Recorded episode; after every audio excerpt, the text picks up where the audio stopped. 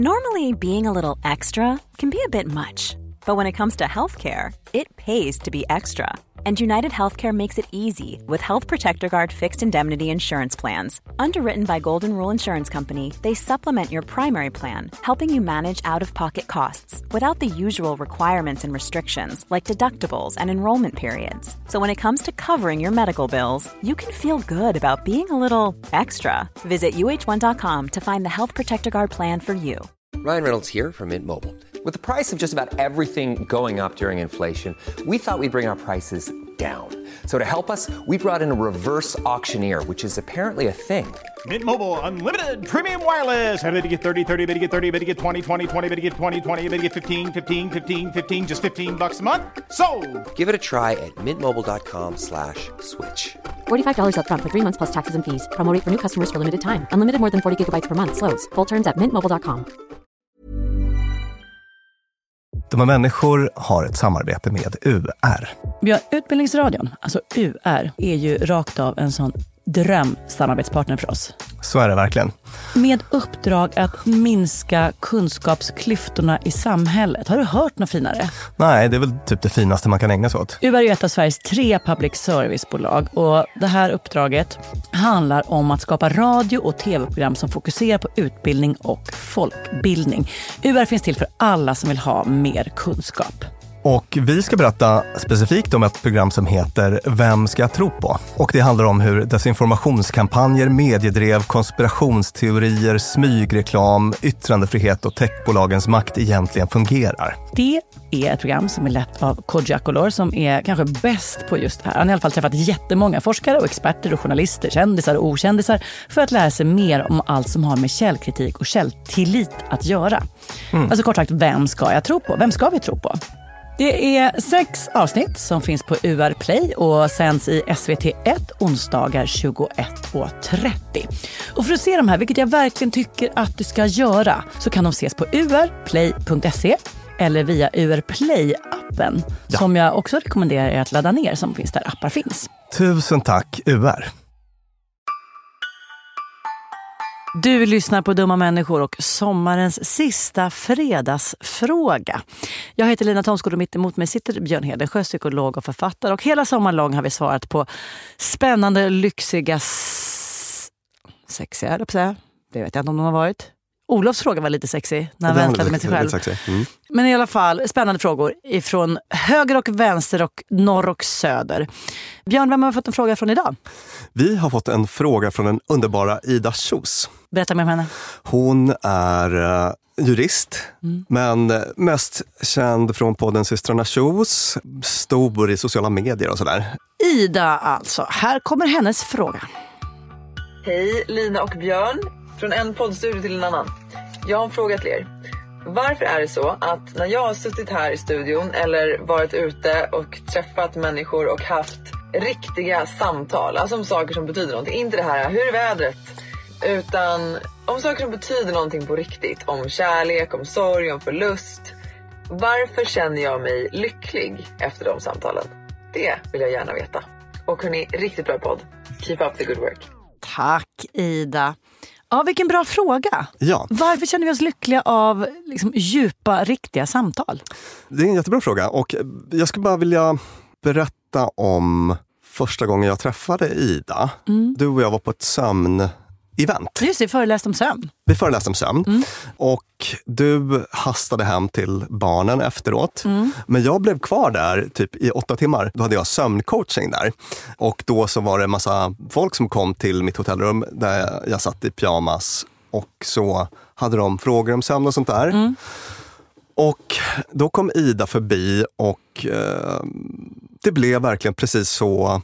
Alltså hon var verkligen en sån person som man på något vis hamnade i ett djupt samtal med direkt. Och Hon var väl, kändes ovanlig på det sättet. Mm, Eh, vissa är verkligen såna. Ja, och jag tänker det här har att göra med ett av de svar som jag skulle vilja ge på hennes fråga. Och det är liksom varför blir man... För jag blev också lycklig av det samtalet.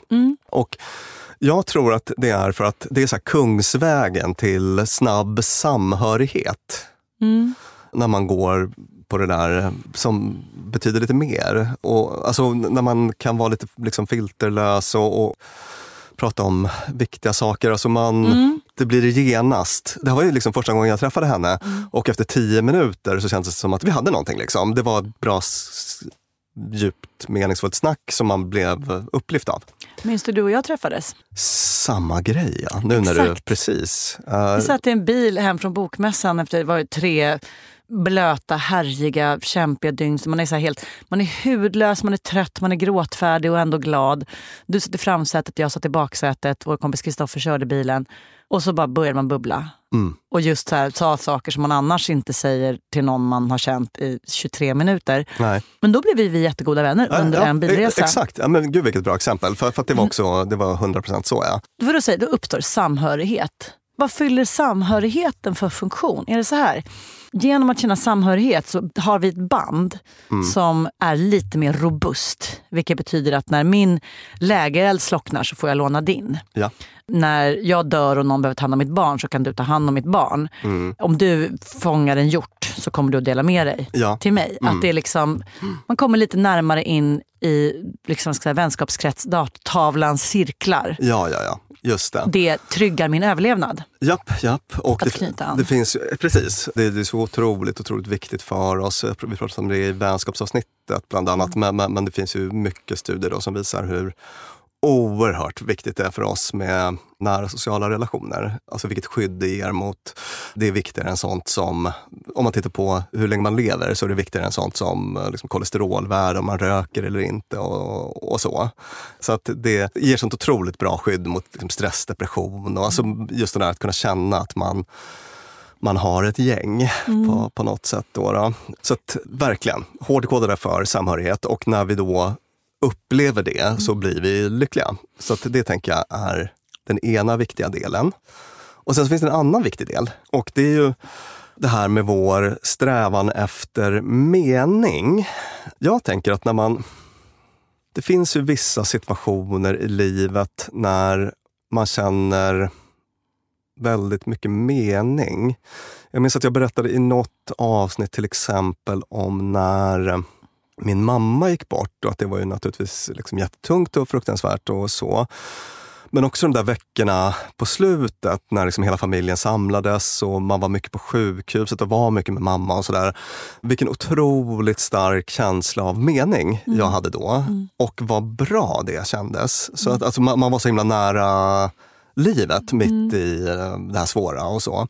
Och de här djupa samtalen eh, också lite sådana. Alltså jag tror att man känner sig nära livet, även om eh, Ida tog upp nu sin fråga, så här, um, när man pratar om liksom sorg och alltså även när det är svåra saker så är man, man är nära liksom existensen och det viktiga och det känns bra. Det känns som att vi lever så stor del av våra liv på autopilot och går bara runt och Ibland kan man ju, jag vet inte om det är så för dig, men ibland kan jag vara så här, hmm, när var det sist jag hade ett riktigt bra samtal? Så där.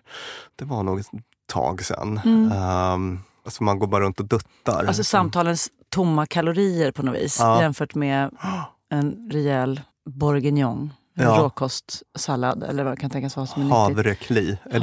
Havrekli, ja det är nyttigt men det är inte speciellt gott. Nej. Det är intressant det där för att tidigare i somras så fick vi frågan från Per Andersson om varför han hela tiden vill få folk att skratta. Ja. Och vi mår jättebra av att skratta, vi blir lyckliga av det. Mm. Och här kan jag se en konflikt. Att i samtal sträva efter det där goda garvet Mm. versus att våga sig ut på djupare vatten. Ja. Jag träffade nämligen för inte speciellt länge sedan en kompis till mig som hade varit med om en nära döden-upplevelse. Ja. Och hon är en sån jätterolig person. Hon har dessutom en rolig dialekt som hon liksom använder sig av. En människa som alltid är rolig. Mm. Allting när jag kommunicerar är liksom, det, det känns som en liten show. Och så har den här personen varit med om en nära döden-upplevelse och ska berätta om det för mig. Lite så här kallprata. Och jag märker hur vi båda två börjar förhålla oss till det så här, haha det är kul, ha, mm. att man liksom börjar så här, skämta om det, försöka så bara, så bara, nej vänta den här människan berättar om att, hur den nästan dog. Och om hur, så här, vilken skräck det måste varit, gud vad jobbigt. Och så försökte jag liksom, mm, försökte komma ner på det där liksom, djupare nivån. Att ungefär så här, få se den här människan i ögonen som med en röst som inte är jättespexig säger att det gjorde ont. Och jag upptäckte att det var i stort sett omöjligt. Att så här, autopiloten så starkt styrde bort Mm, från så att säga, ämnet djupt, eller vad säger allvarligt, Ja. hö, liksom hög densitet. Mm. Men förhållningssättet till det blev nästan tvångsmässigt lättsamt. Ja. Och det där kan jag fatta. För att man är van vid att vara rolig och allting ska vara så liksom, bekymmersfritt och locka fram ett skratt. Mm. Och det är ju, tycker jag, en av de sakerna som gör just de djupa samtalen lite svåra att ha. Mm. Att man så ofta vill styra bort från det för att det gör ont. Alltså jag, jag la liksom goda 20 minuter på att försöka liksom hitta in i den onda kärnan där man kände att jag faktiskt skulle kunna knyta an. Mm. Och det gick inte. Nej.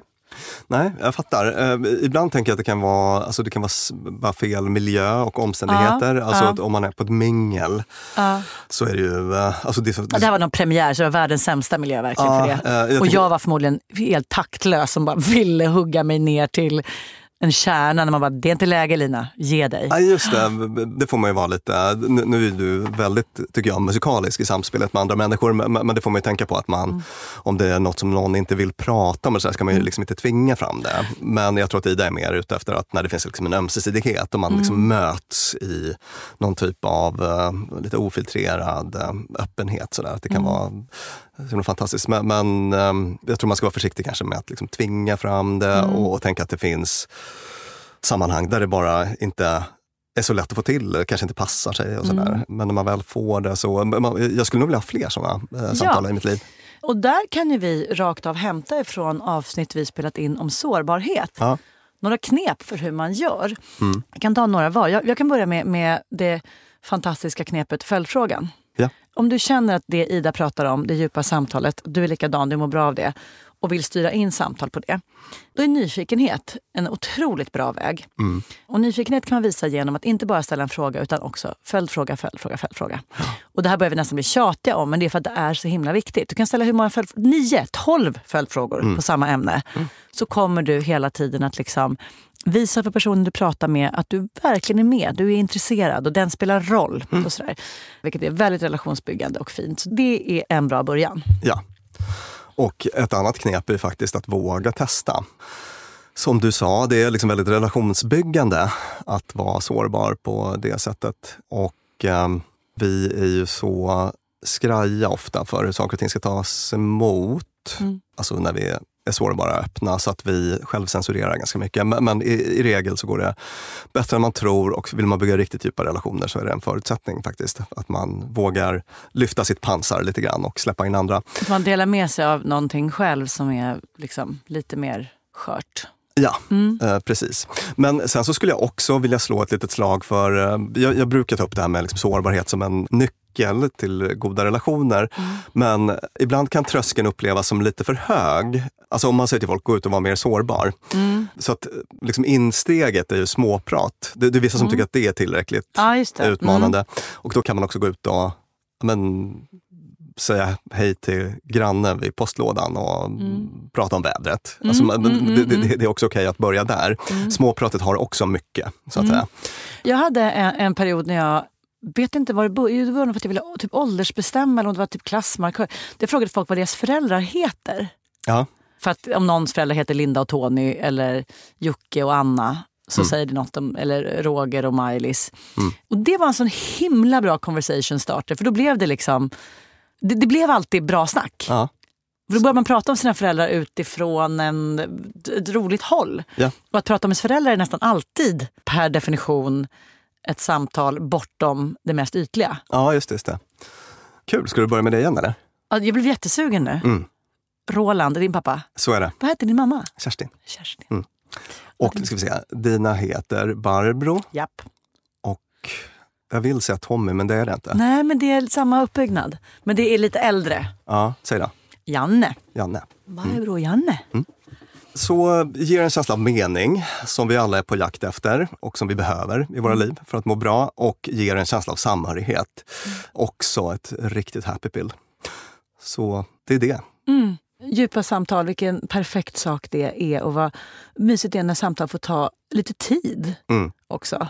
Vi var på semester nu, eh, fyra dagar utan barn. Vilket fick mig att återuppleva samtal. Ja.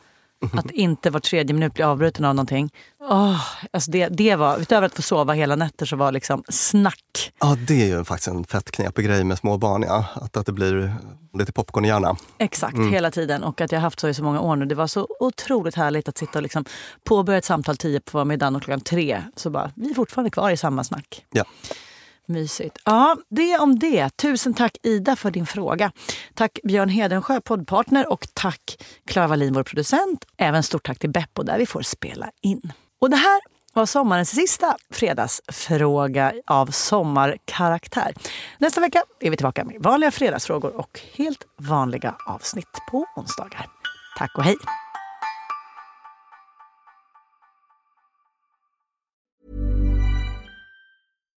Subtle results, still you, but with fewer lines. Botox Cosmetic, out of botulinum toxin A, is a prescription medicine used to temporarily make moderate to severe frown lines, crow's feet, and forehead lines look better in adults. Effects of Botox Cosmetic may spread hours to weeks after injection, causing serious symptoms. Alert your doctor right away as difficulty swallowing, speaking, breathing, eye problems, or muscle weakness may be a sign of a life threatening condition. Patients with these conditions before injection are at highest risk. Don't receive Botox Cosmetic if you have a skin infection. Side effects may include allergic reactions, injection site pain, headache, eyebrow and eyelid drooping, and eyelid swelling. Allergic reactions can include rash, welts, asthma symptoms, and dizziness. Tell your doctor about medical history, muscle or nerve conditions including ALS or Lou Gehrig's disease, myasthenia gravis, or Lambert-Eaton syndrome and medications, including botulinum toxins, as these may increase the risk of serious side effects. For full safety information, visit BotoxCosmetic.com or call 877-351-0300. See for yourself at BotoxCosmetic.com.